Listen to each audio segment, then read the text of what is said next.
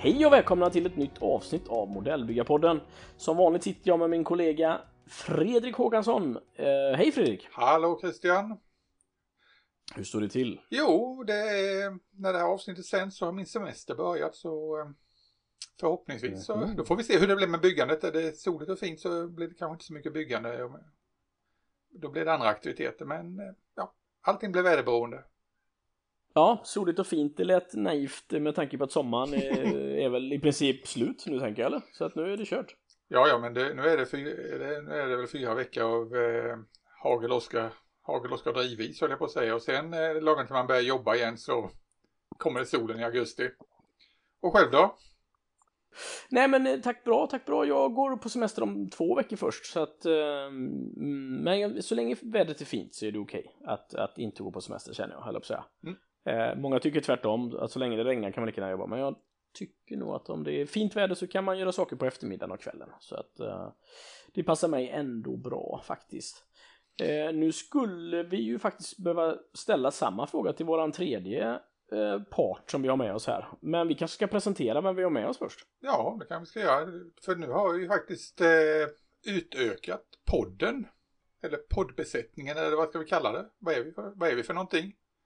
Podd, poddna, poddonauterna. ja, nej, Ja. Vi, har blivit, vi har blivit tre helt plötsligt. Precis, vi har faktiskt blivit med Erik, har vi blivit, Erik Westberg och det är, det är svårt eh, att bli av med honom, eller säga. Men eh, det är ju en fantastisk glädje vi presenterar våran tredje starka musketör, eh, Erik Westberg helt enkelt. Mm. Så välkommen Erik. Tack så hemskt mycket. Det är en, en ära att få vara med i den här trevliga podden. Hoppas jag kan tillföra någonting i alla fall. Ja, det kan du säkert göra. Ja, du har ju förgyllt eh, våran podd många gånger tidigare, så att du är ju lite utav en poddveteran eh, kan man väl säga. Ja, men jag har fått äran att vara med där. Är det? Tre, tre gånger tidigare, eller fyra. Jag har tappat räkningen nu. Men... Mm. Mm. Nej, vi håller ju på och eh, snackas vid till vardags så väldigt mycket så det var ju ja, det var lika bra att plocka in det i podden också.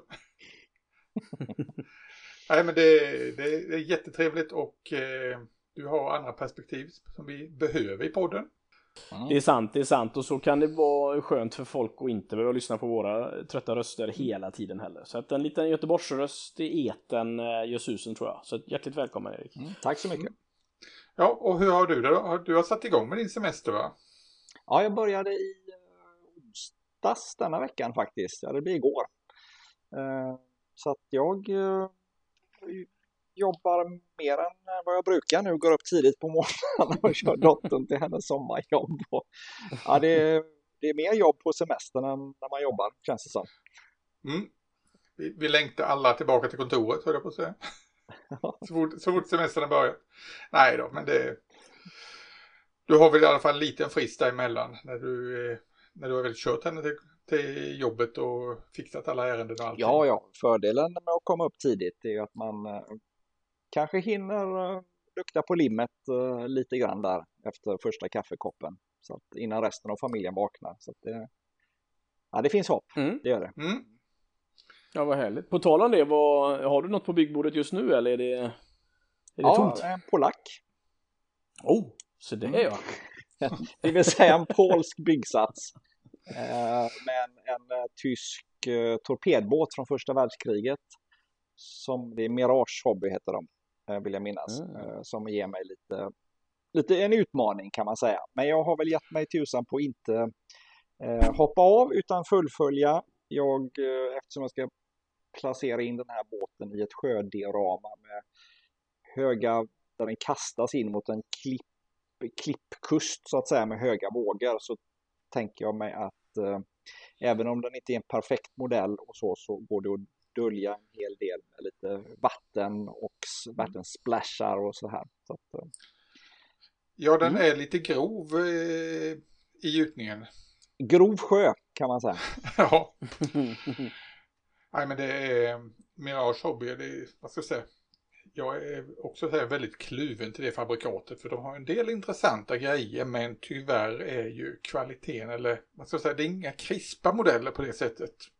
Nej, Nej men den, jag, jag, valde den bara för att jag ville, jag håller ju på med ett, ett projekt som är 1 till 700 som ni har, har sett, den här lilla japanska ubåtsjagaren. Och en liten motorbåt som, som uh, kör på japanska sjön mm. eller vad det nu är. Men så ville jag ju göra, jag fick ju smak för det här med, med uh, fartyg och havsdiorama. Uh, tack vare den här podden då. Så, ja. så, uh, men då vill jag ju, ja, men då vill jag prova en båt där med e, e 350 när jag ändå var igång. Man vill ju så mycket och man vill göra det väldigt fort också när man upptäcker något nytt. så att det var väl det och då vill jag inte bygga för stort och då var ju en torpedbåt i, i trevlig. Den är ju kanske 20 centimeter lång så att jag vill inte mm. starta ett Bismarck i 1 till 350 liksom utan den här kändes som ett lagom startobjekt. Så att, ja, du, är smart, du är smartare än mig då. jag har lärt mig av mina misstag från mm. fartyg, eh, eller vad säger jag, från, från flygplan, pansar, båtar och figurer kan jag säga. Ja. Och du då Christian, hur går det för dig? Du har ju byggt byggrum, men jag tror du har kommit, du har kommit, du har kommit bortom det nu eller? Eh, jag har kommit bortom det och jag eh, har påbörjat, jag har fyra ganska stora garderober bakom mitt, eh, vad ska man säga, i byggrummet, alltså bakom min rygg då. Mm. Och de är ju faktiskt helt dedikerade till hobbyn, så att de har jag ju nu haft äran av att kunna inreda med lite fler hyllor, för det är just det som behövs känner jag. Men, men jag är redan lite inne på det här inreda eh, byggrummet 2.0, för det är det här när man sitter med verktyg, hur man ska ha ordning på dem, hur nära man ska ha vissa verktyg och så vidare. Och så vidare. Så där, det är en, ja, en pågående process kan mm. man väl säga. Um, och det, det kanske är så, det antar jag att alla försöker optimera hela tiden, att man ska ha nära till sina verktyg och, um, och ordning på dem framförallt. Ja men det, det stämmer det du säger, det, det, man blir aldrig färdig med byggrummet. För Nej. Det räcker ju med att du, du skaffar en tomt till så helt plötsligt sabbas det gamla systemet. ja, Nej men ni, ni kommer ihåg alltså det, i alla fall när jag växte upp så var det många gubbar, de hade ju liksom en sån här eh, masonitskiva med en massa små hål i och, och krokar. Mm. Och Just sen det. hade de målat konturerna av verktyg på den. Vid något tillfälle. ja. Eh, det brukade väl vara så att hälften av de där var tomma. Och, och sen hängde verktygen på andra ställen de med riktig OCD, de hade ju verktygen på rätt plats säkert. Men några ja. lite sådana som jag hade det nog väldigt tomt emellan där, ja. Det tror jag. Ja, för jag tänker att det, det måste vara en totalt hopplös grej. För minsta lilla att okej, okay, där gick den sönder. Så fick jag en polygrip som var något större och så passade den inte innanför linjerna. Och då kan ju OCDn slå till. Ja, det kan den faktiskt göra. Nej, så nu, ehm, det, det, är lite, jag vill ändå möblera om lite, lite grann faktiskt. Jag har några tavellistor som jag vill göra om och flytta på och sådär. Men annars så har jag ju ett litet eh, projekt där jag scratchbygger en gitarr i skala 1 till 6 och eh, den börjar ju bli färdig sakteligen, så det ser jag fram emot. Eh, jag kan väl säga att på mitt byggbord just nu så, ja, på säga, här ligger allt möjligt. Tack vare att det mm. var varmt här nu innan eh, en period så kände jag liksom att nej, det, går inte, det går fasen inte måla. Nej. Det var det här med färgsprutan. Liksom den, eh, den färgen hann ju, den hann ju torka innan den lämnade sprutan och så vidare. Får jag bara mm. bryta in där Fredrik? Ja. För jag, jag, har hört, ni har ju pratat om just det här i, i flera avsnitten när det är mm. varmt och det går inte att måla. Så jag tänkte på det, hur gör de nere i Spanien, Portugal, Italien? Modellbyggaren, där är det ju varmt nästan året runt. Jag gissar att de har Asien. Ja. ja, men då måste de ju ha det verkligen i sitt byggrum. Mm. Annars ja, jag, vet inte, jag vet inte, jag, tänker, jag funderar också hur de som är, håller till nere i Indonesien. Ja. För där borde ju eh, förutsättningarna vara ännu värre när det gäller luftfuktighet och så vidare. Ja, han dioramabyggaren i Sahara, jag menar hur, Mm. Gör han. Men sen, sen är det kanske det att eh, lär, man lär sig nog hantera just det klimat man befinner sig i om det är det man har hela tiden. Det är väl växlingarna som är problemet. Mm. Om jag Mm. tre fjärdedelar av året kan köra med exakt samma blandning och helt plötsligt funkar inte det. Mm. Då har min, då har min gamla hjärna i alla fall lite svårt att ställa om. Ja, men man lär sig. Nej men eh, det har väl eh, det resulterade i det att jag har suttit här och mest limmat och eh, ja, påbörjat eller fortsatt med en massa sådana här halvfärdiga projekt. Så det är, jag håller på med lite allt möjligt. Och nu det senaste, Ja men det är skönt. Ja. och nu det senaste var faktiskt att jag gav mig på en, eh, ett par mikromermodeller. Mm. Och det här med, mikromer, det har jag ju sagt innan att eh, det, en, ja, det måste vara något fel på mig eftersom jag ger mig på de modellerna. För jag menar mikromermodeller det är, ja, vad ska vi säga? Det är spackling, slipning och eh, ristande av panellinjer i oändlighet. Ja, nu skulle, Ja, vi, nu skulle vi haft bil, nu skulle vi haft bild här för Erik gri- grimaserar. Nej, jag tänkte på ditt. Jag har lidit nog av Mirage. Mm. Så att, eh, jag Ja. tänker bara, är livet tillräckligt långt för att bygga de modellerna, Fredrik? Ja, det är väl det som är... Ja, grejen är den att de har ju så underbara objekt. Det är udda grejer. Det är ju... Mikromer är ju ett ukrainskt märke. Men deras modeller är ganska mycket short run-känsla på dem i många lägen. Alltså det är inga eh, tappar eh, för passning och det är ja, lite dålig passning här och var. Mm. Man får göra om ganska mycket. Men sen är det så häftiga prylar. Jag gjorde, ju- jag gjorde ju den här CSS eh, David till exempel. Där skulle jag ju fotat den också, det, men det har jag inte fått tummen ur till. Jag byggde ju innan och med, eh, vad heter den, eh, Hunley, ubåten från amerikanska inbördeskriget. Och nu sitter jag med en japansk Kaiten 2 ubåt. En sån här eh, japansk självmordsubåt i skala 1 på Mm. 35. Oj, oj, Jaha. oj. Och den blir alltså 48 centimeter lång. Oj jösses. Det är Vilket alltså en eh, är skithäftig en- modell. Shit. Men, men vad ska du, vad ska du ha någon i ett diorama eller vad, vad ska Nej. du ha den? Jag sätter den på en snygg eh, träplatta. Okej. Mm. Det ska bli lite Mhm. museumkänsla på den. Mm. Och det är ju sådana Ah, saker kul. som är lite roliga. De har väldigt udda, särskilt ubåtar är de duktiga på. När det Mm. gäller att hitta massa Mm. kul grejer. Jag eh, satt också medan eh, spacklet höll på att torka på, på den här Kiten 2 eh, ubåten så satte jag igång och bygga en eh, eh, långlänstorped. Den japanska berömda torpeden som förorsakade amerikanerna så väldigt mycket eh, gråt och tannagnisslan. Andra Okej. världskrigets bästa torped. Longlands. Typ, vad heter det? Typ Mm. 93. Också i skala 1 på 35. Det är så här udda grej. Alright. Och sen, eh, men det är som sagt lite jobb med det. Men Erik, de har, jag hittade en grej faktiskt eh, som de gör som är, kan vara intressant för dig. Du vill ju bygga sjödioramer. Mm. De har en Whisky 3-ubåt bland annat. I 1 på Mhm. 350. Ja, ja. Vad, Mm, säger det Men- någonting? eh, vad heter det? Karlskrona. Ja, Whisky Ja. on the Rock. Japp. Ja, det kan ju vara något faktiskt. Så där har du ju världens diorama. Ja, ja, ja det låter Ja. det. Nej, det, den är, jag är sugen på den. Vi får se framöver. Men då Nej, måste men vi ha den här svenska, det låg ju en svensk eh, litet fartyg förankrad bredvid Mm. där väldigt länge. Det gäller ju att hitta den då, annars så det står och faller lite med det kanske om man ska ha. Ja, eller så har precis i gryningen. Ja, ja. Nej, men det är Ja, väl eh, sånt som ligger på byggbordet. Och sen Ja. eh, när vi ändå pratar svenskt här, när vi kom in på det så hittade jag, ja nu har jag väl gett mig på ännu mer sådana här idiotgrejer. Jag eh, hittade en liten 1-700 modell av en svensk jagare faktiskt.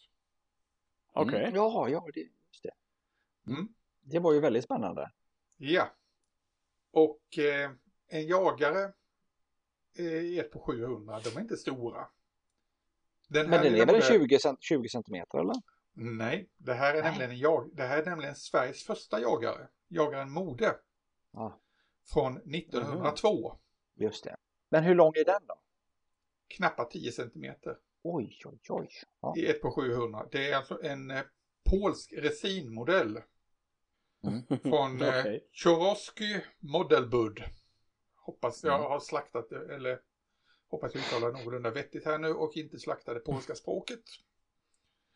Nej men det är lite roligt för det är, ja, det är en totalt vansinnig modell men den är väldigt krisp och fin. Det är alltså resin och fotoets i en härlig blandning. Alright, kul. Och ett väldigt udda objekt. Men jag blir nyfiken på det här med resinfartyg som resinmodell. Hur, hur, hur är det? Jag, alltså, ju, jag, jag har tittat lite på sådana också. Det, det är fruktansvärt dåliga eh, byggbeskrivningar. Japp, det är det. Och, och, och så är det ju massa gjutskägg liksom. Kan vara, det beror på det, för det är väldigt olika beroende på fabrikat. Ja, Eh, ja, beskrivningarna brukar generellt sett vara väldigt dåliga. ja, Det finns undantag. Eh, sådana saker som master brukar oftast vara ett eh, gäng ståltrådar som man får kapa själv som är medskickat. mm, Om det nu finns med.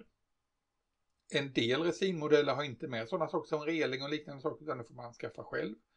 Den här hade allting med. Jättefint eh, etsark till den. Och eh, väldigt krispa små resinbitar. Men det jobbiga är ju att hantera det sen.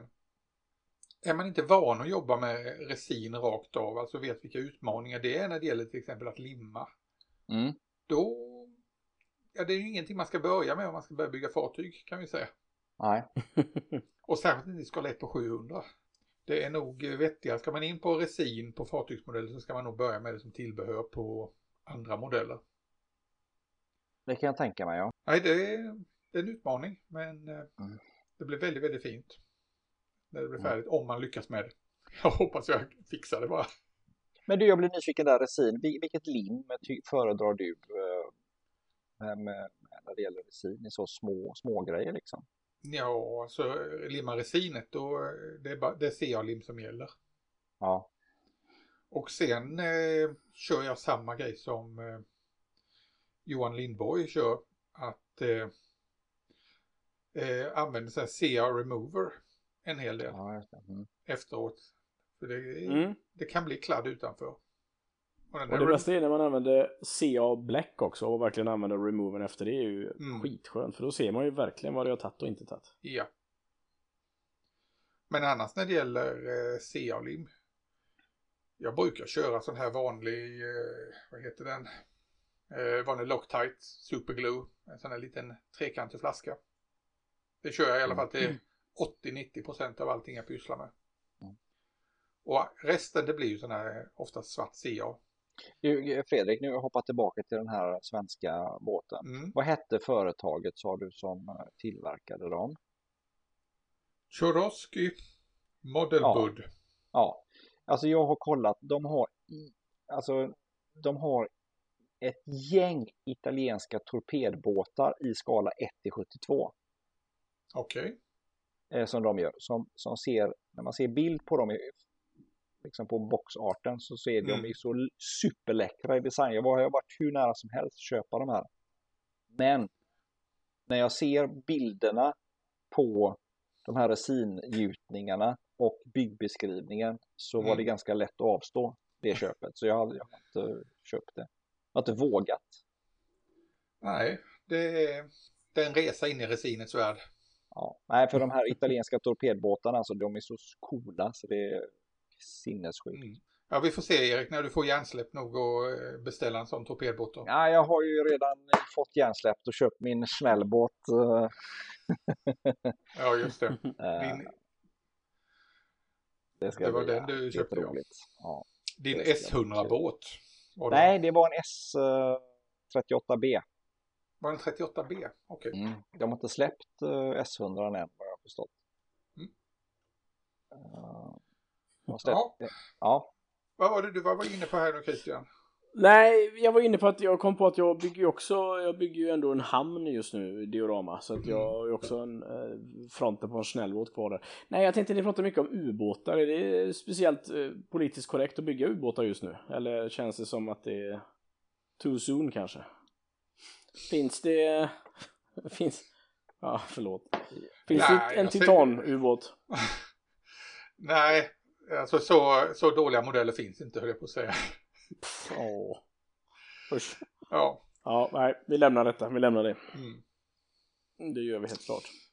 Ja, Ja, vad spännande då. Vad, på tal om lite att eh, bli inspirerad av olika andra saker så tänker jag att vi kan väl försöka komma till dagens eh, ämne. Som Mm. ändå är att, att, att bli inspirerad av, av eh, sociala medier på olika sätt. Eh, Ja. och, andra, och andra saker som, som inspirerar oss ute i världen. Vad, vad har du för relation till eh, inspiration digitalt? Fredrik? oj, eh, ja, jag började väl med det ganska tidigt. Om vi säger att jag är ju Mm. så pass gammal så att för mig var ju inspiration långt tillbaka i tiden så var det ju det man såg i Tamiya-katalogen och eh, instruktionerna och bilderna från Airfix-katalogerna. Mm. Det var det som var inspirationen för. Ja, Men, det håller jag med eh, om. Det minns man ju diorama-uppslaget liksom i mitten på Mm. den gamla Tamiya-katalogen. Ja. Det var ju fantastiskt verkligen. Och ett uppslag med bara François Verlindens bilder också. Mm. Ja. Under ett antal år där på i slutet på 70-talet. Ja, just det. Men det har ju ändrats eh, de sista åren ganska radikalt, eh, tänker jag. Idag har vi ju Mm. en stor bredd, en stor palett av eh, inspirationsmöjligheter. För mig, eh, ja det började nog ganska tidigt det här med inspirationen från nätet. När jag, eh, jag blev, var väldigt mycket det man kallar för lurker. Alltså jag bara tittade, inspirerades Mm. eh, under många år. Och gav mig inte in aktivt i forum och liknande saker. Men eh, inspiration har alltid funnits där. Det är ju att se duktiga modellbyggare. Att, ja, Mm. Sen har vi ju allting, eh, alla referens också. Det är ju ytterligare en, en grej. Där nätet var ju, har ju blivit mycket, mycket en, en fantastisk källa när det gäller att få tag på referensmaterial om allting. Ja. Nej, så eh, mitt förhållande till, eh, ja, det är väl ganska okomplicerat. Jag eh, kastar mig bara framstupa rakt in i sociala medier och så vidare och suger åt mig allting. Vill jag på säga. Mm. Plus att jag, eh, ja, emellanåt försöker producera någonting själv också, men det tar vi väl i ett annat avsnitt, höll jag på att säga. Ja, precis. Det är ju också ett, eh, ett sätt naturligtvis att, att, för det gör vi ju alla tre, har vi ju på ett eller annat sätt skapat saker som finns antingen online eh, i form av forum eller eh, hemsidor, men även på Youtube och andra rullande filmer liksom. Men jag kan säga Ja. forum, det var där det började. Forum som man sökte Mm. medlemskap i. Och som var väldigt jobbiga att både lägga upp i och att navigera. Det var där det började en gång i tiden för mig. Ja, det var ju ändå på den tiden, jag minns det också, när man ändå fick göra en liten eh, HTML-tagg för att få in bilden liksom. Och så fick du lägga upp bilden på ett annat, eh, Mm. en hostplats och så fick man hålla på. Men det var oerhört nyttigt och oerhört eh, utvecklande. Jag började också det och det var ju eh, sent 90-tal eller på säga. Eh, tidigt 00-tal. Hur är det för dig då, Erik? Ja, jag låter ju som att jag inte är lika gammal som er, men det var ju bara att jag inte började lika tidigt som er. Nej, men jag kom ju igång 2015 eh, och då var det ju att de här forumen som jag gick med i, det var ju hur lätt som helst att ladda upp bilder, så det var ju, ju, hade ju skett. Eh, det där med forum och lägga upp bilder, det, det funkar ju hur bra och lätt som helst idag. Alltså. Så, att, så jag märkte Mm. aldrig av det, så jag manglade ju på med, med bilder och text och allting från Mm. första stunden. Men bara vrida tillbaks, det var ju så här att ni pratade om Tamaya-katalogerna.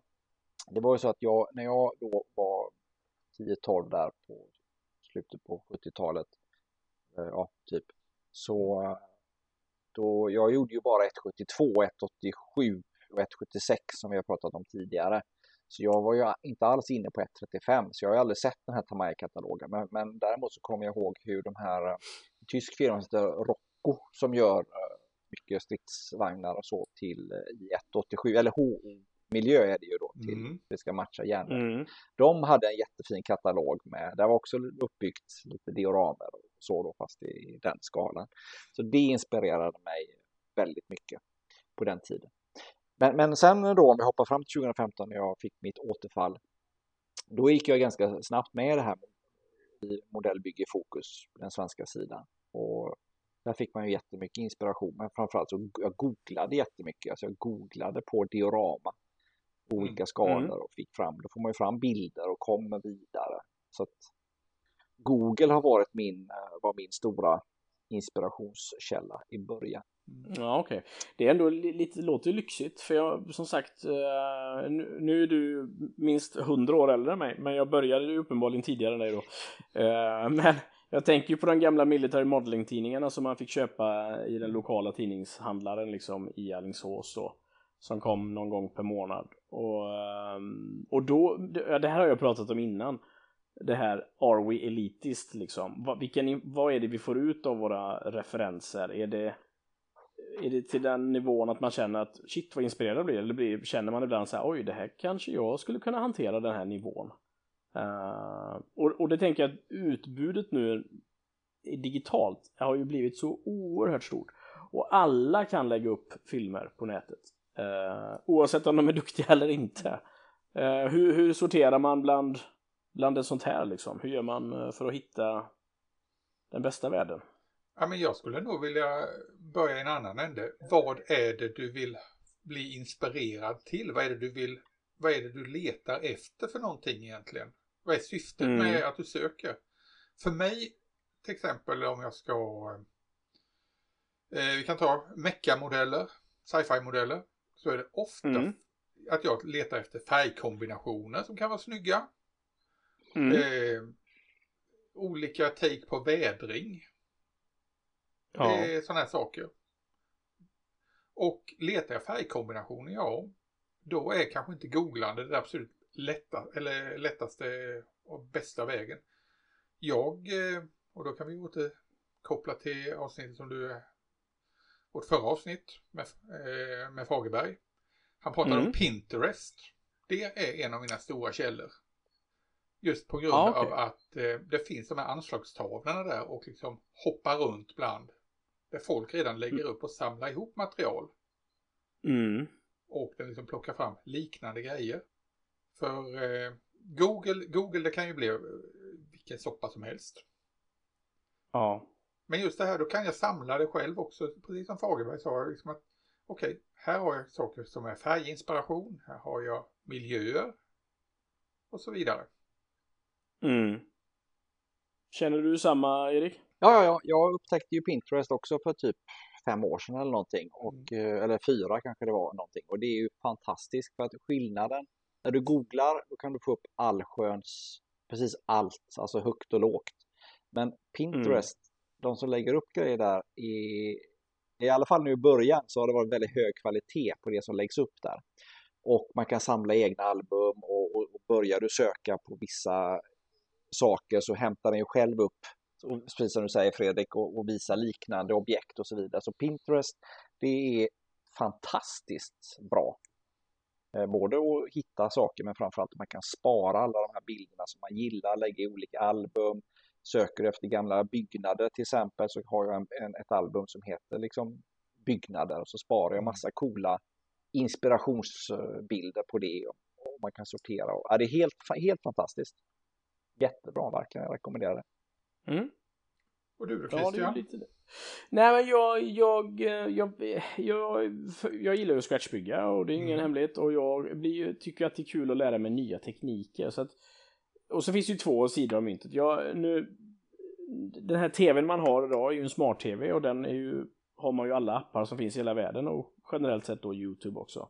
Vilket innebär att jag faktiskt inte ens har installerat några kanaler utan man kollar ju på Netflix eller Youtube i princip då.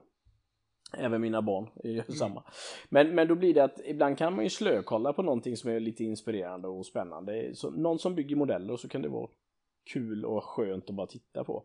Men ibland vill jag utvecklas och lära mig nya tekniker och då vill jag verkligen att de som är som inspirerar mig ska vara oerhört kompetenta och duktiga. Mm. Jag vill verkligen se top of the top, elit elit liksom. Men då är det framförallt att då är det YouTube-filmer du tittar på? Ja, men det är nog primärt det. Mm. Och det har jag också kommit överens, eller kommit fram till med mig själv om att jag varje gång jag köper en, en ett magasin, en tidning, och de kostar ju oftast en hundring, 150 och ska du flyga utomlands på säga, på Landvetter kostar de ju 200 spänn. Eh, eh, då, jag har så svårt att ta till mig den informationen som jag tittar på bilderna, jag läser lite och sen så har jag glömt av den tidningen liksom. Men det här filmutbudet som är idag är oerhört bra. Och, och det var ju bland annat den här Jeff Wrighten eh, tekniken Mm. jag lärde mig där, exempelvis. Liksom, att, få- att få någonting så värdefullt genom att titta på någon annan som bygger är härligt tycker jag. Ja, det kanske är någonting som är på utdöende. För, eh, alltså, vad jag kommer ihåg för ett antal år sedan när, man, när jag satt och, liksom, och eh, googlade runt eller letade runt på internet. Då var det ju framförallt tutorials i form av webbsidor som var skrivna med bilder steg för steg, precis som en tidningsartikel. Mm. Jag vet inte om det är kanske på utdöende nu, att det är ingen som gör det längre. Utan nu är det bara rörlig media. Nej men det är en bra fråga för jag minns det var inte alls länge sedan jag hängde på forum där man tyckte att det var skitkul att se ett, oavsett vad det var för objekt, om det var båt eller flygplan, men du såg det från scratch och hela vägen upp till att han, eh, hen var klar med den. Och det, det var det ju bara bilder och så beskrivande text liksom. Mm. Och det tyckte man ju var toppen. Och det var inte alls länge sedan. Så att, ehm, nej men Youtube och, allt annat är väl här för att stanna. Och som sagt, vi själva har ju testat i olika nivåer. Eh, Mm. Ni två är ju superduperproffs. Och eh, Erik blir ju halvmiljonär på det så att eh, han... Så att det... så att ni är duktiga på detta. Ja. Och det tar vi ett separat avsnitt om detta framöver. Det gör vi. Det Ja. gör vi. Det gör vi. Ja, men jag får bara flika in där angående det här med att ha just med stillbilder under sin byggprocess så, så har jag ju märkt det att när man lägger ut, om man har gjort klart ett litet diorama eller en vignett eller någonting där man i alla fall har byggt, inte bara målat en figur utan man har byggt en liten byggdel av en byggnad eller natur eller någonting. Så när man lägger upp den färdiga presentationen på sin Facebook till exempel, eller som min P-work Facebook då, då Mm. vet jag ju att det är väldigt uppskattat att man inte bara lägger upp 15 bilder på det färdiga bygget. Utan jag, jag lägger upp 15 bilder på det färdiga bygget men sen Mm. lägger jag också upp 20 bilder som jag har tagit under byggets gång. Så den sista bilden, Mm. där ser man egentligen bara en bit cell, cellplast så att säga. Så man går Ja. bakåt. Så, så det, det vet jag att folk kommenterar och, och ge- verkligen de vill se, man ser att det är faktiskt verkligt. Det har skapats av cellplast och, eller verkliga växter Mm. eller vad som helst. Det fattar folk också att ja, men det där skulle jag också kunna klara av. Men ser man bara en färdig produktion som då kanske är jättesnyggt gjort. Då kanske Mm. folk blir nästan lite, ja det var kul att han kunde göra det, men det där kommer jag aldrig klara av. Men jag vill ju visa att alla kan ju klara av det om man har rätt grejer, rätt teknik och så vidare. ja. Men du är rätt disciplinerad där Erik när det gäller dina sådana här in progress-bilder. Eh, Ja, både ja och för nej. du, ja, för du, oftast är det ju så att du i alla fall lyfter ut dem och sätter dem typ i en miljö så de, det blir snyggt att fota där. Mm. Jo, men visst, det, jo, men det lärde man sig rätt snabbt att man får ju ha. Det ska ju vara, ska man ta en bild på någonting, antingen en figur man målar eller eh, en bit cellplast man håller på att göra någonting med, att man har antingen en, en vit eller en svart som jag ofta jobbar med bakgrund, en neutral bakgrund. Ja, det, man ser väldigt ofta eh, när folk tar bilder från byggbordet så att säga, så har man hållit upp sin figur eller vad man har och så tar man fram telefonen och så tar man en bild på figuren för man, man själv fokuserar dem ju, eller man bara på den här figuren. Man, man glömmer bort att det står 10 000 färgburkar och, och i bakgrunden. Så vi som tittar sen, ja men vi ser ju knappt figuren för det är så spräcklig bakgrund så det, ja. Det, det kan man ju jag tycka att så, kan man inte anstränga sig lite mer när man ska ta och lägga upp en bild på något liksom. Du beskrev just mig i ett nötskal där Erik. Nej men det är ju bara ha, jag har ju svarta, pla- man, man lägger, Ja. jag har ju sådana skivor, plast, svarta cellplastskivor. Man lägger ju bara den bakom och så håller du upp den och så får du lite ljus. Det är så lätt att göra en bra bild idag så att säga. Så det, det finns ingen ursäkt Mm. att inte, inte ta bra bilder. Nej, det är sant. Jag fick väl lära mig det, höll på att säga den hårda vägen med att jag fick ett tillsägelse när jag skulle göra tidningsartiklar. Att, eh, ja, ska du ha in progress-bilder så vill vi ha dem mot en vit bakgrund. Mm. För det var liksom ajabaja med kladdiga byggbord. Nej, men, äh, Nej, men precis. det, det, är, det är ju faktiskt så här att om vi nu pratar om det här med vad som syns på sociala medier och så vidare så blir det lite grann att man scrollar i flödet och ser folk lägger upp bilder. Folk anstränger sig och det är jätte, jag älskar verkligen alla modellbyggare som bygger och målar och allting och lägger upp det för det, det är jättekul. Men, men det blir mm. mer intressant för den som tittar om det är en lite snygg bakgrund, alltså neutral, snygg, alltså det är mm. neutral bakgrund vi pratar bara. Tänk på det, för det, annars så blir det lätt man bara scrollar förbi. Det kommer aldrig någon like-knapp när, när det liksom ser för rörigt ut så att säga. Utan det, eh, ja, ett tips bara. Ja, eh, god tanke. Det eh, kan ju vara värt att nämna för er som inte känner Erik eh, fullt ut som jag och Fredrik gör. Det är att några kvällar i veckan så får ju vi en bilder, väldigt många bilder i Säg som, det är, säg som det är, det är vi fotobombas. Vi fotobombas. Men jag vill ju visa han, vad jag han gör. Han kallar det för mockups. Och du är fantastiskt duktig på att ställa upp massa olika koncept med flera olika figurer, miljöer, bakgrunder och allting. Och du, ja, du är episkt duktig på detta. Ja, men då fattar ni ju vad som, uh. hur mitt huvud är liksom. Det är den mm. enda, ja. Mm. Ja, och mina bilder det är ett rörigt byggbord, vilket kan säga något om mitt huvud då.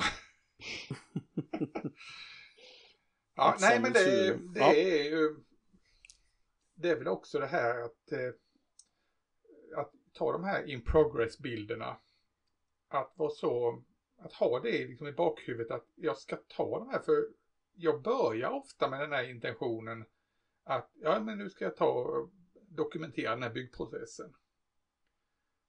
Mm. Och en tiondel in i, i arbetet i bygget så glömmer jag av det och sen bara kommer jag på, ups, nu kommer jag ihåg när jag är nästan färdig. så nu får vi med, med lite bilder på riggningen också, men vad som hände mellan kölsträckningen och riggningen, det är ett mysterium i de flesta fall. Det är ju roligt, tänk, försök ta Fredrik och Christian, för att det jag gjorde ju, jag har ju fått den disciplinen, nu har jag faktiskt tappat det lite här sista halvåret känns det som. Man har byggt så mycket så man har inte tagit bilder. För man kommer in, det som du säger, jag vet att du har sagt det Fredrik, när man kommer in i det där flowet, man har inte mm. tid, man vill inte ta bilder för man vill bara bygga, det är så jäkla roligt att hålla på liksom. Men jag, man gör det ju mest för sig själv för att, som en dokumentation för att sen spara på Ja, någonstans liksom. Det är ju bra att ha historik när man byggde en modell för att kunna gå tillbaka. Ibland kan jag komma på, fan gjorde jag det där liksom, ett gammalt bygge. En bild mm. säger ju ibland mer än tusen ord liksom. Att, att ja, ja, det var ju, det var ju så jag gjorde vid det steget liksom. Så det, det är rätt ja, bra att göra. Men då är nästa lilla grej då, när vi, i och med att vi pratar om, sagt, om modellbygge och sociala medier. Varför ska vi lägga upp det på sociala medier egentligen? Vad, vad, vad, vad vill vi åstadkomma med det? Är det det att vi vill ha likes på det? Att liksom, ja, jag, mest tummar upp vinner? Eller vill vi ha konstruktiv kritik? Eller vad, vad handlar Varför ska vi lägga upp bilder både på våra in progress och våra färdiga modeller? Är det, är nog väldigt, det är nog väldigt olika egentligen, eh, tror jag. Eh, men jag tror att vi generellt, jag vet att ni har pratat om det tidigare, generellt så är vi byggare, vi är stolta över det vi gör och det spelar ingen mm. roll om det är bra eller dåligt eller och det, alltså när, när, oavsett vilken nivå man är på, när man väl sitter och bygger så bygger man ju alltid efter vad som är ens bästa nivå just då. Och då är man ju mm. stolt mm. över det man har byggt. Och det får man ju faktiskt respektera.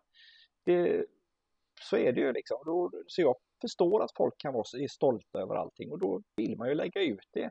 Det är kanske inte för mm. att få likes men man har gjort något, man vill visa det och får man likes så det är klart att det, ja, det är ju ett kvitto på lite grann att det är värt att fortsätta. Kanske. Jag ja. vet inte. Och där kan man ju säga att eh, där är det ju väldigt olika i olika forum och olika Facebookgrupper och ja, ja, olika kanaler överhuvudtaget hur reaktionen blir. Så det ska man ju vara medveten om alltså att eh, alla grupperingar och alla grupper är inte lika, vad ska jag säga, trevliga som den här svenska modellbyggergruppen till exempel. Utan eh, det har ju varit med om en del engelska och amerikanska där liksom, ja, minsta lilla att eh, modellen inte håller är riktigt top notch så blir man sågad vid fotknölarna. Ja, det är trist. Det, jag... det, fin, det finns del, ibland kan det vara ett par, tre individer som liksom eh, ja, styr mobben eller vad ska vi säga, eller mm. informella kungar av de här forumen. Men ja, men eh, då tycker jag då, då, då, ska man bara lämna det. ska man bara ge fan i det. Nej, men ofta kan det vara så här. Jag, jag är med på det här Kitmaker. Eh, det är ju internationellt forum och det är därför jag faktiskt säga att det är väldigt trevlig stämning. Nu är jag bara aktiv på diorama-delen på den då, så jag vet inte hur det är på de andra. Men ibland är det ju så här att någon, när de bygger någonting och så är det någon detalj på ett kan, pan, pansarvagnstorn mm. till exempel, eller någonting som är fel ja men då älskar ju folk att påpeka det här att eh, ja men du har skrivit att det här ska vara 1942 men då fanns inte den och så kan det, kan det bli en snurr på, jo men det fanns kanske någon prototyp som var ute och, och då tycker jag bara, åh, det ja, men det då, det handlar om. Det kan, jag ändå, det kan jag ändå förstå den typen ja, av kritik för den är ändå eh, konstruktiv och framåtsyftande. Ja, men i många men... fall så är det ju att någon bara hugger, de ser en chans att ge mm. negativ kritik egentligen. Ja, niträknarna. Ja. ja. ja. Nej, jag, jag, ju... jag håller med, alltså, är, det så här, är det för långt i, i, tid emellan? Men ibland kan det vara så här att, att en vagn kom ut, ja men du vet det hänger på någon månad ja. och så här. Och, ja.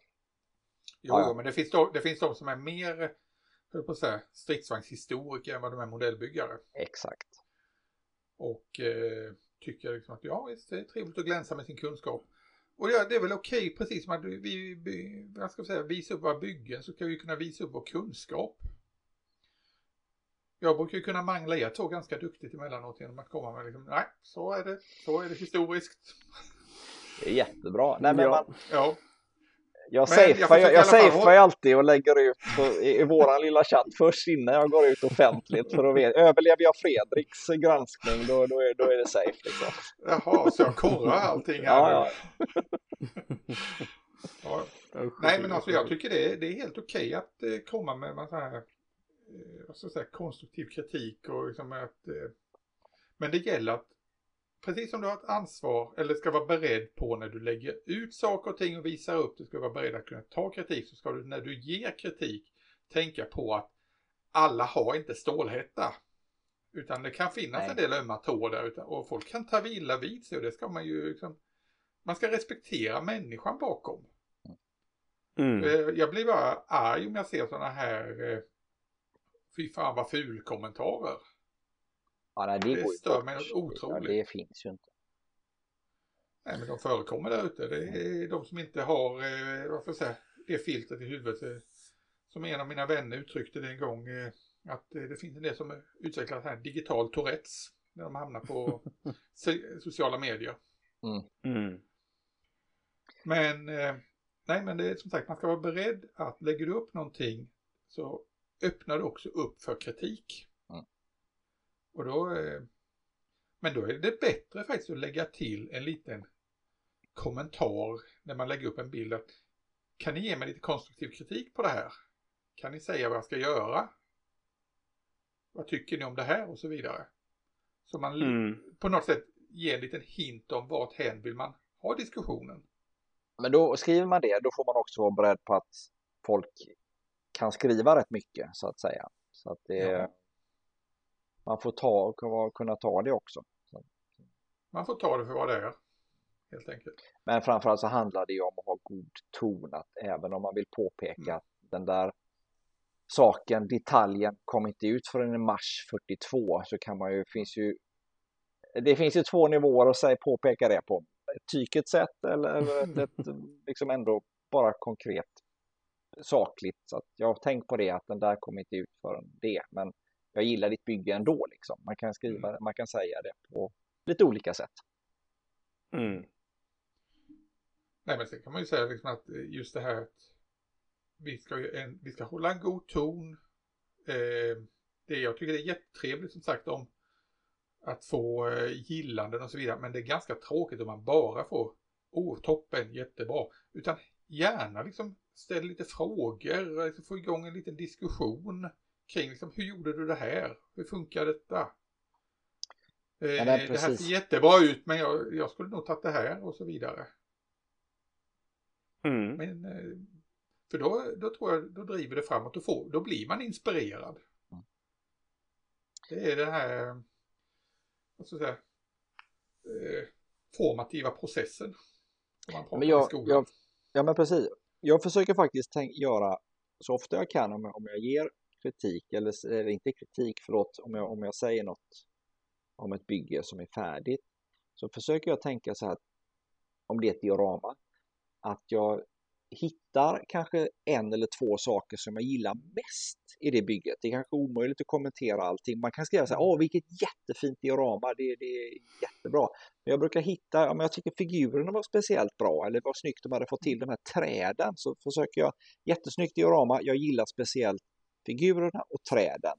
För då ger det en liten input till den som har byggt att ah, det, det, träden kanske jag är duktig på att bygga. Alltså lite mer input vad som är extra bra, inte bara skriva att ja, vilket snyggt diorama, grattis. Mm. Det, det är som du säger, det är en gilla-knapp på det. Ja, det är jättekul, men det är ännu roligare om någon liksom lite grann pekar ut några grejer de mm. gillar extra mycket, för då får man ett kvitto på vad man kanske är bättre på än, än på annat. Ja, men det, mm. du är inne på, det du är inne på nu Erik, det är det vi, när jag jobbade som lärare, eh, vi brukar alltid prata om two stars and a wish. Mm. Två mm. positiva mm. grejer och ett, en förbättringsgrej. Ja. Nej men precis. Ja.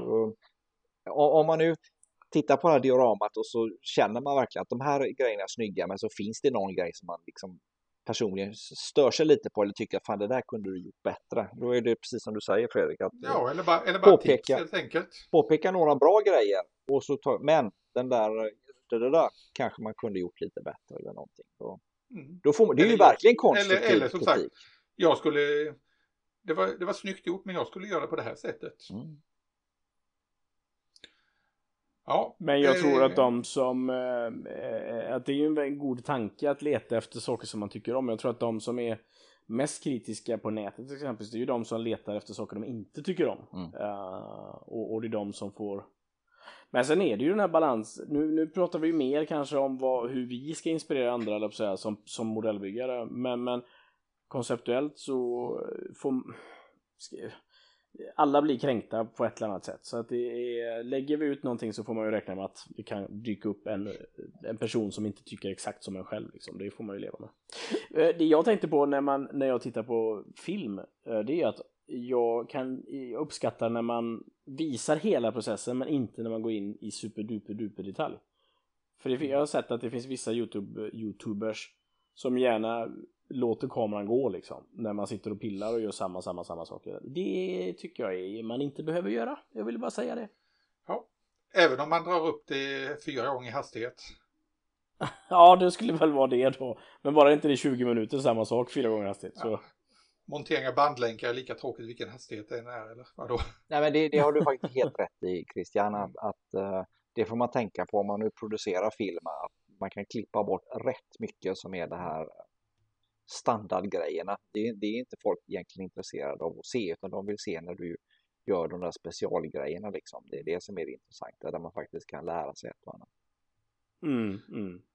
Men vad har ni för favoriter då på när det gäller vad ska jag säga, filmat media när det gäller YouTube? Vad finns det för vad, Jeff Raten nämnde du Christian?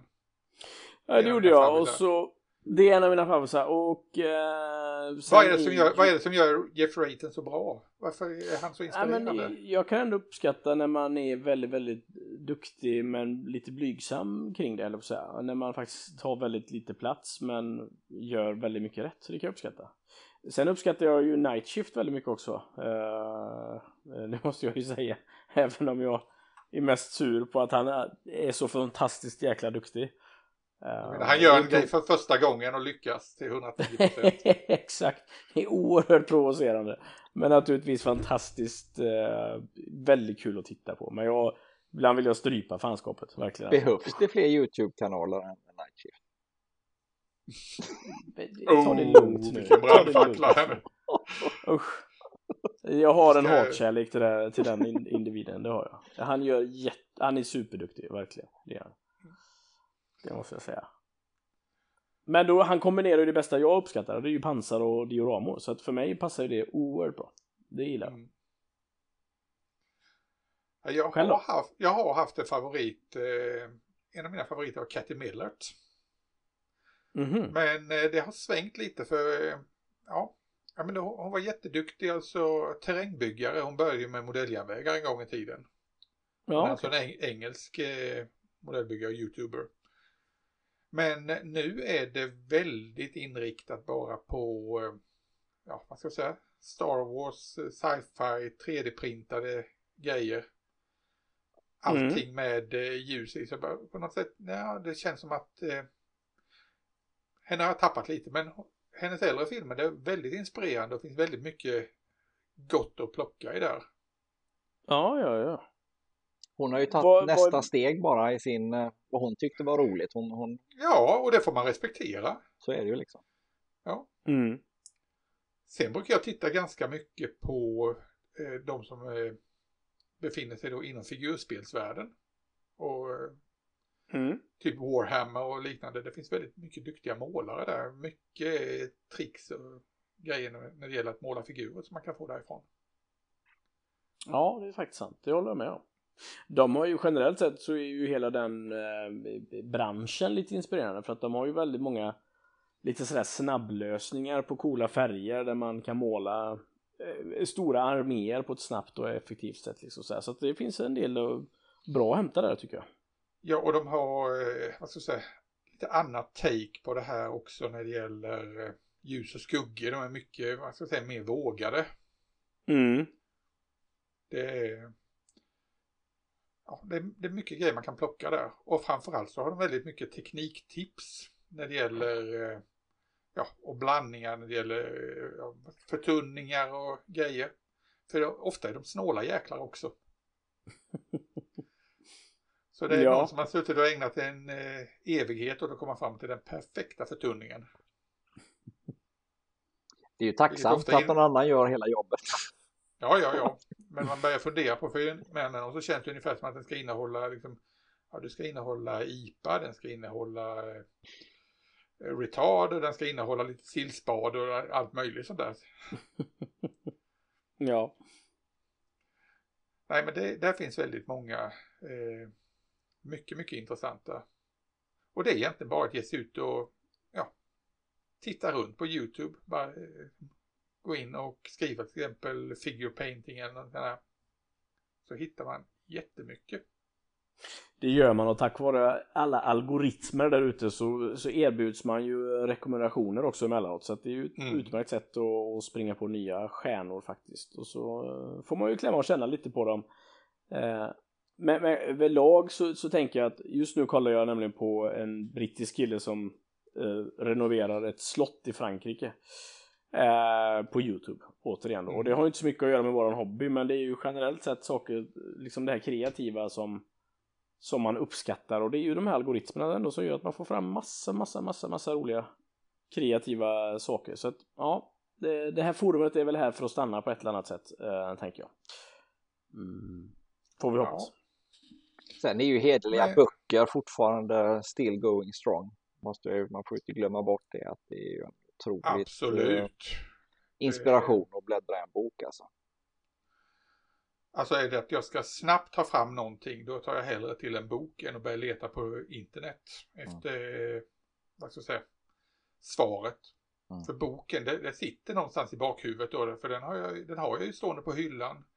Och ja, på något vis så vet jag liksom att okej, okay, där i den boken kan finnas ett bra tips på hur jag skulle göra det här, göra rost till exempel.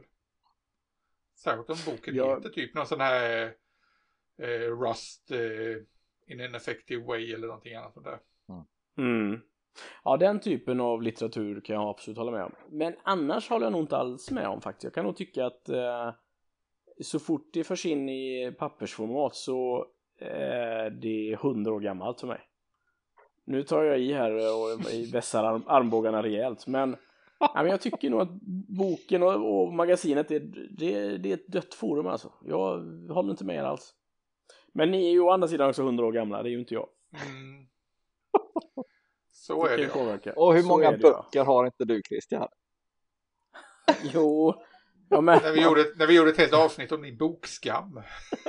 ja. Man har många böcker har man, på gott ja. och ont. Och det är ju det är snyggt om inte annat i, i, i bibblan.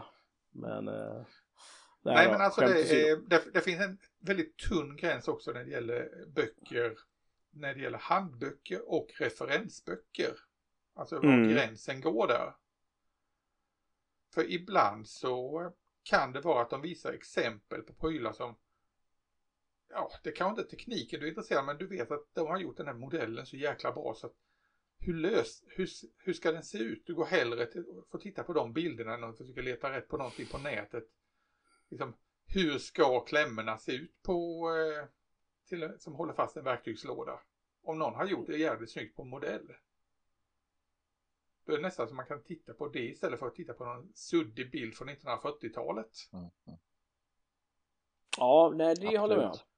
Däremot walk-around Nej, Nå, nej. men eh, jag skulle kanske inte använda en annan modell som referens, men däremot eh, innan man höll på med modellbygge så visste man ju inte vad walk-around var, utan menar, söker man på Sherman walk-around så får man ju en miljon olika bilder på, på folk som har tagit kort på eh, museiföremål.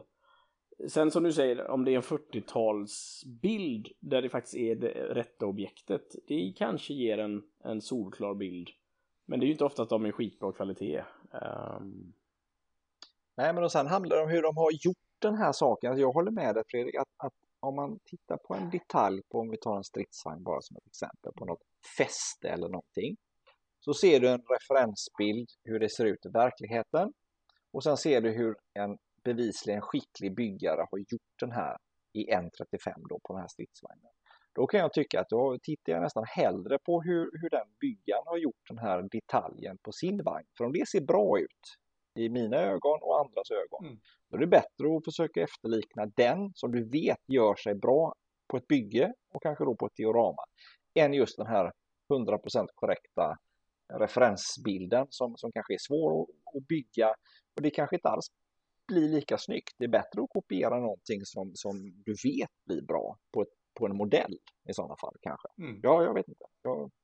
Men då blandar man väl ändå in själva referensbilden ifrån ett museiföremål tänker jag, så att man vet att den individen har gjort rätt. Jo, men självklart. Ja, det bästa är att du får ha ja. två, två bilder att jämföra med. Så du, den ena mm, bilden, mm, precis som du säger, visar att den här skickliga byggaren har, han har gjort sin, sin läxa liksom och det ser rätt ut. Men han, han har gjort så här och det blev så här. Så mm. att, um, Mm. Det som jag älskar generellt sett bildformat är ju när, när vissa internethemsidor, eller säga, lägger upp samma vagn fast från olika, olika fabrikat. Det tycker jag är underbart kul att se. Då kan man verkligen se hur de som skapar modellerna tänker så oerhört annorlunda om hur man hur en del ser ut på riktigt kontra hur, hur den blir då i, i plastformat. Det tycker jag är spännande. Ja, och kanske vilken ja, storlek den har också. Ja, Alla precis. vet att eh, en, eh, ett, ja, en detalj på en tigerstridsvagn, den var 30 cm lång och 20 cm bred. Alltså that's it. Mm. Och ändå kan det skilja i, i den här lilla plastbiten sen hur de olika tillverkarna har gjort den, att den diffar ja. mycket i. Hur, hur går det till liksom? Hur kan man misslyckas med en sån enkel grej? Det fattar inte jag. Fantastiskt. Men hörni, jag, jag skulle vilja återvända till just det här med liksom att eh, använda eh, handböcker som referensmaterial. Att det inspirerar mm. för det. Och, för, och just det här när vi pratar om stridsvagn 1940-talet. Det är sällan du hittar en bra färgbild på hur färgerna ska vara. Mm. Och vad har vi att gå på då? Ja, tittar du på någon grej som är på museum så är det väldigt få vagnar idag som är kvar med originalfärgen. Mm. Ja. Och ingen som har färg som den såg ut 1942.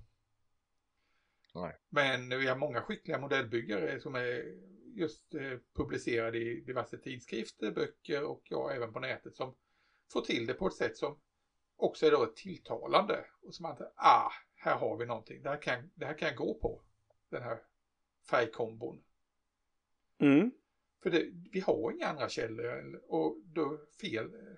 Ja visst, det kan bli fel. För någon kan ha det fel. Men å andra sidan, ett av de mest berömda felen det är ju faktiskt från verkligheten, eller från museivärlden. Där vi har Imperial War Museums Matilda 2-stridsvagn. Ja. Som var felmålad. Jag vet inte om den fortfarande är det. Under många år. Och det mönstret, det var ju det här Chonter-kammot, det här ökenkammot. Ja. Som hade innehöll ljusblått, men den ljusblå ska inte vara ljusblå utan det ska vara en silvergrå färg. Mm. Men tack vare att det hade den färgen så plockade modellföretagen eh, upp det.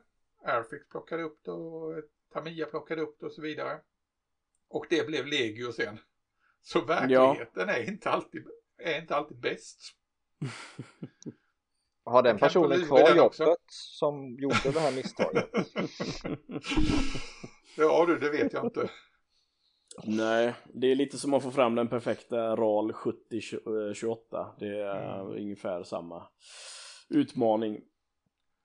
Ja, eller eh, den här långa, långa diskussionen som aldrig kommer ta slut om bara hur ser en Olive Drab ut? Just så, just så, mm. faktiskt.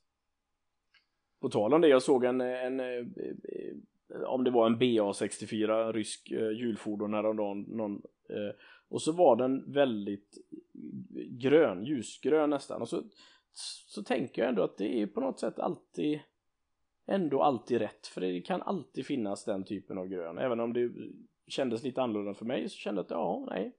Det finns i alla färger och möjligheter. Det är ingen som kan säga att det är fel liksom. Det är nej. nästan rätt skönt, befriande. Nej men då är det ju, då kan vi, då kan vi låta oss inspireras istället. Att det här tilltalar mig. Mm. Precis.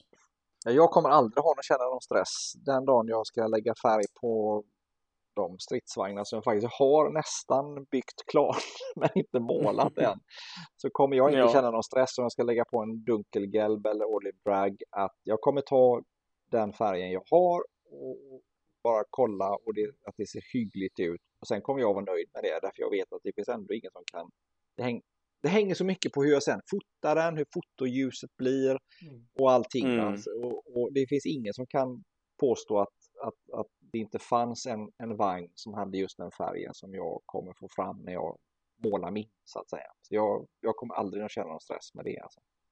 Nej, nej, det är helt rätt.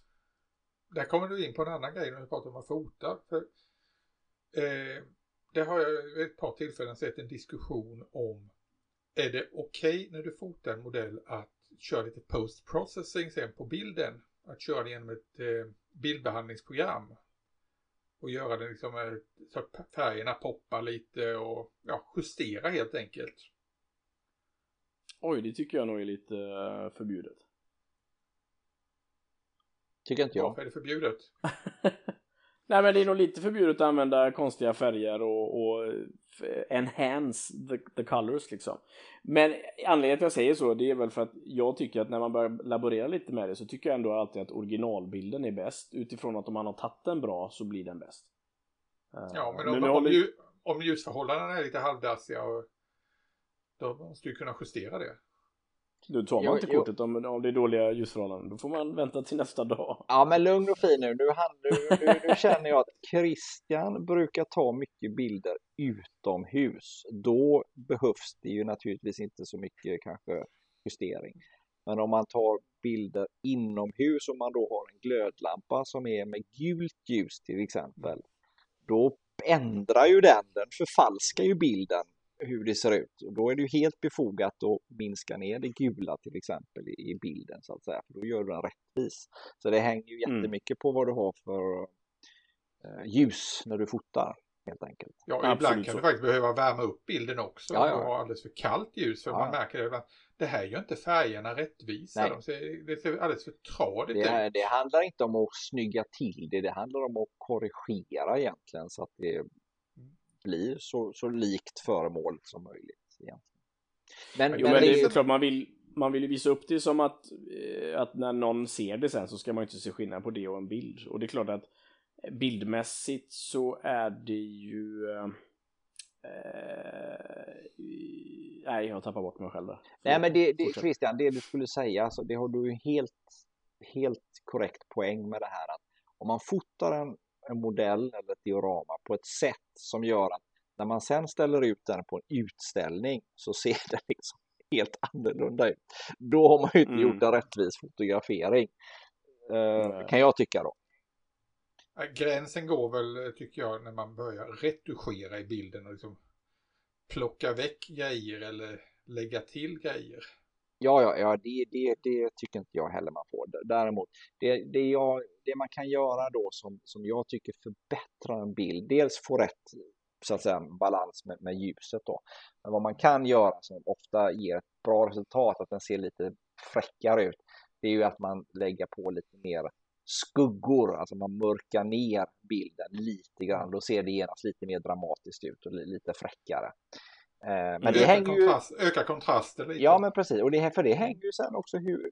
Om, en, om vi tar nu som eh, när vi är på utställningar i, i Sverige. Om man är på, på eh, C4 till exempel, där de är väldigt mycket ljusinsläpp, om det, om det är mm. soligt ute. Då kan ju en modell mm. se ut på ett sätt. Och sen så är det molnigt och regn en annan dag, då ser ju modellen på samma utställningslokal så, så kan ju se det, väldigt, det kan vara väldigt stor skillnad alltså. Och nu det här vi, vi ska ha AIM på i Aeroseum i en väldigt mörk lokal. Det ska ju bli lite spännande att se hur, hur ljuset blir där då. Mm. Ja, eh, väldig skillnad mot, mot, mot de andra gångerna när det har varit ja. på C4 till exempel då med mycket ljusinsläpp. Ja, det finns ju en grej som är okej att retuschera och det är ju det här att göra den så att man kan publicera den på nätet. Här, vi har ju alltså algoritmer, vi har folk som stör sig på och tar illa vid sig. Vi kan ju inte ens använda eller vi kan ju inte liksom lägga upp en bild på någonting med en svastika på. För då kommer ju algoritmerna direkt att plocka ner bilden. Mm. Där måste man ju gå in och retuschera. Och eh, ja, då gäller det ju bara att göra det så snyggt som möjligt. Stoppa in Kalle Anka där istället. Ja. ja. Eh. Är det en svastika som sitter i en, eh, i en vit cirkel så försöker jag ju bara ha, då tänker jag ju att okej, okay, bara vit cirkel. Bara ta väck ja. själva symbolen för alla vet vad det finns där i. Det kan ju vara värre om du har eh, stjärtfenan på en på ett flygplan där svastikan bara sitter på kammot.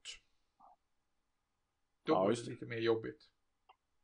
Men jag tycker jag ser Sen... mycket bilder på nätet där man ser svastika. Ja, men ändå det är... Jag vet att många fartygsbyggare där, där har algoritmen reagerat. Ni vet att tyska fartyg som Bismarck och liknande där det var målat både på för och akterdäck. Mm. Algoritmerna kan plocka väck det. Mm. Ja, ja det, får man, det får man vara medveten om när man lägger upp mm. bilderna.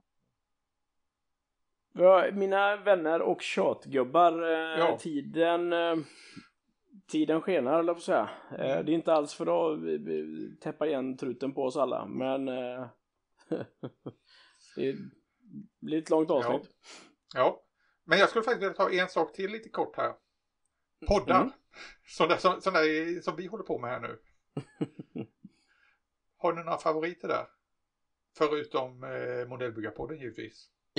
jag måste ju slå ett slag för den eftersom det var den som fick mig att gå igång på, på fartyg här med, med Fredrik och Johans uh, avsnitt. Uh, det här när de grottar ner sig i detaljer. Det var väldigt inspirerande för mig kan jag säga. Mm. Och, och också att Nej, det är på svenska. Det, det blir lite ja. mer eh, lätt, lätt, lättare. Lyssnar ni på några då, engelskspråkiga poddar? För det är ju det är ju vad som finns att tillgå förutom, vi är fortfarande den enda svenska podden vad jag vet. Ja, men jag har ju lyssnat efter tips från dig Fredrik på det här Just mm. Making mm. Conversation. Mm. Heter det va? Jag har inte lyssnat ja. igenom alla, men jag har kanske lyssnat på 20 avsnitt eller någonting. Och det, ja. ja men de är ju underhållande. Men jag har inte lyssnat på några två, andra faktiskt. Två, två engelska köttgubbar. Mm. Ja, det finns många poddar. Hur är det med dig Christian? Vad lyssnar du på någonting? Uh, nej, jag gör faktiskt inte det. Uh, utan då föredrar jag YouTube i alla situationer. Så när jag, uh, jag vet inte om hur det kan väl inte vara olagligt att kolla på film när man kör bil tänker jag. Så att jag, sätter, jag kollar gärna på YouTube när jag åker ner till Danmark eller åker till Norge. jag lyssnar på YouTube, så kan man väl säga. Jag gör. Jag höll på att säga, du tittar på film, jag hoppas du har en Tesla. ja, precis. Mm. Jag har en självkörande bil i alla fall, så jag behöver inte tänka så mycket på det. Nej, Nej så, så poddmässigt är jag rätt uh, rudis på, faktiskt. Mm. Eh, jag kan väl säga att vad jag brukar lyssna på, förutom då Just Making Conversation, så brukar jag lyssna väldigt mycket på On the Bench. Det mm. är ett gäng australiensare. De är rätt så härliga att lyssna på. De kan bli lite, vad ska jag säga, långdragna. För ett avsnitt där är det är inte några små korta avsnitt. Nej. Utan ett avsnitt är ja, en och en halv timme, två timmar. Väldigt ofta, ja, någonstans mellan en och en halv, två timmar. Så vi har faktiskt lite att jobba på här. Ja. Och eh, man kan säga de är mer så att de gör här kit reviews. Pratar väldigt mycket om eh, ja, olika produkter, går in på sina egna byggen och så vidare. Eh, det är värt att lyssna på dem. Liksom göra några nedslag. Mm. Det finns Ja, också bra tips. amerikanska. Vi har eh, Plastic Posse. är ju en. Ja, det finns ju Ja. hur många som helst. Egentligen ska man bara gå in på den här eh, Scale Model Podcast. Det finns ju en sida, där finns ju till och med vi med på den sidan. Med eh, länkar till de här olika poddarna. Mm. Så det är du har lätt sagt att att vi har, till och med, vi har till och med blivit omnämnda en gång i Just Making Conversation eller? Vi blir omnämnda faktiskt i varje avsnitt här nu. Fast de kan aldrig uttala eh, modellbyggarpodden. Utan det är. Okej. Jag tror jag ska försöka ta kontakt med de där engelsmännen och lära dem hur man uttalar Fonetiskt uttal får du skicka. Ja. Ja. Ja, ja, det var kul. ja. Eh, innan vi slutar vill jag också bara nämna att jag var ju uppe på Grevens Glue Galore här nu här om helgen. Just Mycket det. trevlig tillställning. Mm. Och eh, jag la ju ut en liten blänkare i eh, vårt Facebook och Instaflöde om det. Jag delar ut pris som vanligt. Jajamän. När vi, vilket jag nu har gjort en tradition när vi är ute på några på olika utställningar och tävlingar. Mm. Och eh, vill jag bara än en gång nämna det att eh, priset gick till en helt underbar eh, Chevrolet El Camino. Alltså en liten bil Mm. i 1-24. En pickup som är ganska häftig för den är byggd på ett vanligt personbilschassi. Det var en specialare som Chevrolet gjorde har jag läst på om. Och det var eh, Janne Osbeck som hade byggt den modellen. Och den föll mig väldigt, väldigt i smaken för den. Den eh, är var precis som det vi gillar. Slitet, rostigt. Och jävligt. Ja. Levt helt enkelt. Ja. Så kan vi säga. Så Nej men en gång. eh, väl värt. Stor, eh, ja. Du var väl värd det, Janne, kan vi Mm. säga. Coolt. Kul att du var där och, och kollade läget också. Jag förstod det som att det var en väldigt bra stämning och mycket fina... Det var helt underbart och eh, Ja. det var väldigt eh, stor swap meet den här i år. De hade ju till och med fått eh, köra i två, i två rum, eller två hallar. Swap Ja. i den stora gympasalen och sen då i det som jag tror är eh, matsal på den här skolan. Så var Mhm. utställningen. Och det funkade jättebra. Ja. Ja men vad kul. det, Det, var bra det fanns mycket att botanisera i. Så- Ja det kan jag tänka Ja, mig. näst, nästa år då får ni, ni ta med tusan ta er dit också. Det får vi göra. Det får vi göra. Ja. Det, det ligger ju faktiskt centralt i Sverige så att det är inte, man kan ju inte klaga på att det Nej. Att det ligger otillgängligt, det gör det inte. Eh, Så då har du rätt i. Ja, Det får vara nästa steg. Men när tror vi att vi ses i tävlingssammanhang nästa gång? Det är ju då på i Eroseum då ett eh, ja eller eh, vi har ju F10 Memorial. Och vi har FTM Memorial innan dess. Mm. Just så, just så. Det ska väl i alla fall du ner på Christian. Ja, det ska jag. Jag hoppas att Erka hänger med också. Det vet man aldrig. Nej, det vet man aldrig hur livet eh, ser ut då. Det är svårt att planera framåt ibland. Jag får tyvärr lämna walkover denna gången. Ja, På grund av lite andra engagemang. Men yes. så är det emellanåt. Så är det. Då tar vi över. Eh, Det går Ja. fint. Nej men vad bra då. Eh, Hur, hur känner du nu första avsnittet eh, Erik? Ja, jag hoppas att eh, lyssnarna inte tycker att jag tjatar för mycket bara. Men, eh, jag är duktig på att avbryta er ibland och flika in någonting som jag kommer på och vill säga just då. Men eh, ni får väl vänja er lite eller så får jag disciplinera mig. Sluta med det. Nej men det är väl jättebra att du öppnar munnen när det behövs eller så. Det är ju Mm. toppen, det uppskattar vi såklart. Och som du märker på mig och Christian så har vi ju efter två år fortfarande inte lärt oss det här med att hålla käften när den andra pratar. Utan vi pratar i mun på varandra. Ja. Så är vi bara. Det Så blir ännu är bättre det. nu när vi är tre. Så att, ja. Det är tur vi låter Ja. olika.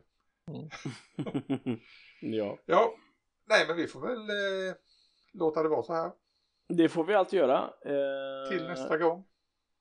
Tack och eh, ha nu en fortsatt skön semester gubbar så hörs vi. Mm, det gör vi. Ha det gott. Tack och hej. Ha det fint. Hej hej. Tack för att du har lyssnat på Modellbyggarpodden.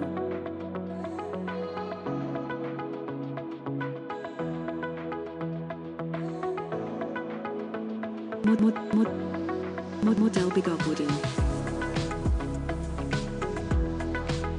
Mod, mod, mod, mod,